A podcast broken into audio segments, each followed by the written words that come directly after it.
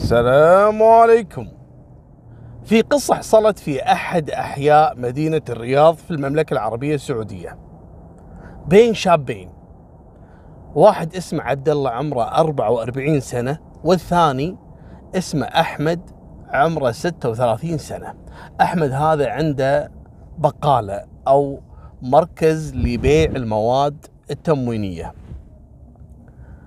عبد الله وأحمد الخلاف اللي بينهم إن عبد الله ما يحب أحمد لأنه سامع إنه عنده مشاكل وعنده قضايا سابقا ورجال راعي خرابيط.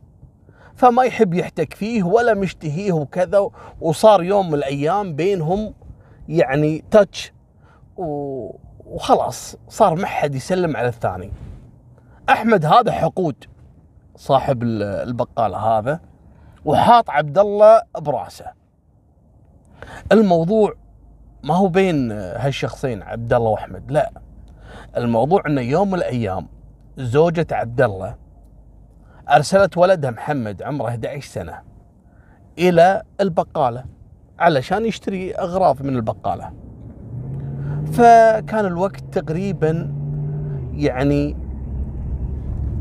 على الساعة 11 12 الظهر. يعني قبل لا يجي أبوه عبد الله من الدوام. راح محمد مثل ما طلبت أمه إنه يشتري أغراض من البقالة اللي موجودة أسفل العمارة اللي هم ساكن فيها في حي سلي في الرياض. لكنه تأخر ما رجع. انتظرت نص ساعة ساعة ساعة وشوي. على جية أبوه عبد الله على طول قالت له زوجته شوف محمد. أنا أرسلته قبل ساعة وشوي وما رجع إلى الآن. قال لها وين أرسلتي؟ قالت له أنا ارسلته للبقاله عشان يشتري لنا أغراض. وينزل عبد الله بسرعة وهو مرتبك وحاس إنه في شيء. ليش؟ هو أصلا يكره صاحب البقالة هذا أو صاحب مركز التموينات. يكرهه ويعرف ان هذا راعي خرابيط. وسبق أن اتهم هذا صاحب البقالة بقضايا اعتداء على أشخاص وعلى كذا وبلاوي. فلما سمع أن زوجته تقول له ولدك راح للبقالة وما رجع. خاف. نزل ركض وراح للبقالة ولا الباب مسكر. لكن الباب مسكر اللي هو الشتر الحديد اللي هو الحاجز الحديد. أما الباب مال البقالة نفسه مفتوح. لكن ما يقدر يدخل. واستغرب قاعد يطق الباب يطق الباب يضرب يضرب يضرب. شوي ويجيه منه يجيه أحمد طالع من مخزن اللي داخل البقالة. ويكلمه يقول له نعم. يقول حق عبد الله الحين عبد الله جاي ليش؟ يدور على ولده. فيقول له أبي ولدي وينه محمد؟ قال إيش دراني أنا؟ جاي يدور عليه هني. عبد الله قلبه انغزه لأن الوقت هذا ما هو وقت واحد يسكر بقالة والناس والزباين رايحين رادين. ليش مسكر البقالة؟ شيء ثاني ولده جاء عشان يشتري من عنده أغراض. وين راح؟ فقال له افتح افتح. وخصوصا إنه شاف أحمد مرتبك وطالع من المخزن. برمج نفسه عبد الله إنه ولده أكيد موجود في المخزن هذا. أكيد أحمد أخفى ولده. قال له افتح افتح. أحمد على طول فتح له الباب. قال له تفضل ادخل. عبد الله على فاله المسكين. وهو يدخل على طول صوب المخزن من وراء الثلاجات. ويشوف هالمنظر اللي خلاه في صدمة وشل تفكيره. لقى ولده طايح على الأرض داخل المخزن وفي حبل ملفوف حوالين رقبة الولد. التفت على أحمد يبي يهجم على أحمد. بعد ما عرف إن أحمد هو اللي ورا خطف ولده وقاتله ما في إلا أحمد داخل البقالة. لكن أحمد كان مستعد لهاللحظة. أول ما التفت عبد الله ويقوم أحمد ماسك بيده ساطور ويضرب عبد الله على رأسه أكثر من ضربة وعلى جسمه إلى أن سقط وهو مليان بالدم.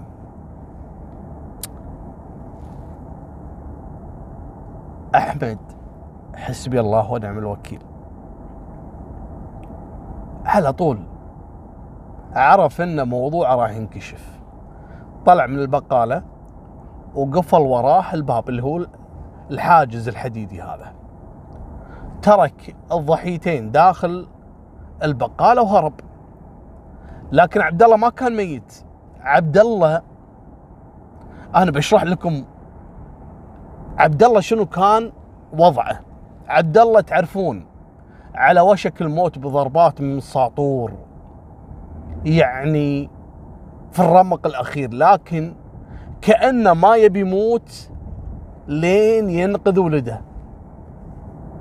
فكان فيه روح شوي و... وينازع الحياة المسكين. يحاول إنه يوقف ويتسند على الكا... طاولة الكاشير. ويحاول يفتح الباب شافه مسكر انهار وطاح مرة ثانية. وهذا الكلام كان بشهادة الناس اللي التموا حوالين البقالة هذه وقعدوا يناظرون من اللي هو فتحات الشبك. وما حد قادر يفتح الباب لأنه مكفول قفله المجرم أحمد وهرب. بلغوا رجال الأمن واحضروا وكسروا الباب ولا عبد الله فارق الحياة. ما كانوا يدرون إن الولد موجود داخل المخزن. يوم دخلوا رجال الأمن ولا في جثة ثانية للولد. مقتول عن طريق الخنق بحبل. الزوجة الحين اللي كانت تنتظر عبد الله يبحث على ولده ما تدري الحين بالموضوع. يوم نزلت من خوفها وخرعتها تبي تشوف صاير وليش تأخر؟ وتشوف الناس ملتمين حوالين المركز هذا مال التموينات. أو تجي ركض المسكينه ويمسكونها رجال الأمن. قالت آه، أنا أدور على زوجي هو منو هذا اللي طايح وكذا؟ خذوها على جنب وقالوا لها يا بنت الحلال ترى هذا زوجك عبد الله صح؟ قالت إي نعم. قالوا له ترى عبد الله هذا توفى الله يرحمه في واحد اقتله. وإلى الآن هذه المعلومات كانت معلومات أولية هم ما يدرون من اللي اقتله صاحب البقالة ولا واحد ثاني. المرة قعدت تصرخ وهي أصلا ما كانت تدري أن عبد الله كذلك اكتشف أن ولده محمد مقتول داخل المخزن. يعني ما تقدر تتصور موقف هالمرة هذه. بعد ما نقلوها للمستشفى وهي في حالة انهيار عصبي وحضروا أهلها وكذا على زوجها حزنانة على زوجها وتقول لهم يا جماعة ترى زوجي كان رايح يدور على ولدي الله يخليكم شوفوا لي ولدي وين الحين؟ ويعطونها الخبر اللي نزل عليها مثل الصاعقة. قالوا لها يبا عظم الله أجرك في ولدك محمد وعظم الله أجرك في زوجك عبد الله. مالكم بالطويلة. رجال الأمن بعد ما توصلوا إلى المعلومات أن وراء هالجريمة أحمد صاحب التموينات اللي مستأجر هالمحل هذا قعدوا يبحثون عنه. بعد تسعة أيام تم إلقاء القبض عليه عن طريق تواصله عن عن طريق الهاتف. كان متصل على شابين يمنيين. الظاهر إنه اتصل عليهم علشان يساعدونه في الهروب وهو سعودي لكن كان متصل عليهم علشان يساعدونه إنه يوصلونه إلى الحدود السعودية اليمنية. يبي يطلع بطريقة غير قانونية. فرصدوا رجال الأمن اتصالاته مع الشخصين. لما تم استدعائهم قالوا لرجال الأمن إنه فعلا اتصل علينا وطلب المساعدة لكن إحنا رفضنا. إحنا ما ما نمشي بهالمواضيع هذه اللي غير قانونية. وين مكانه؟ قالوا مكانه في الرياض نفسه في أحد الأحياء متخبي. ألقوا القبض عليه في اليوم التاسع.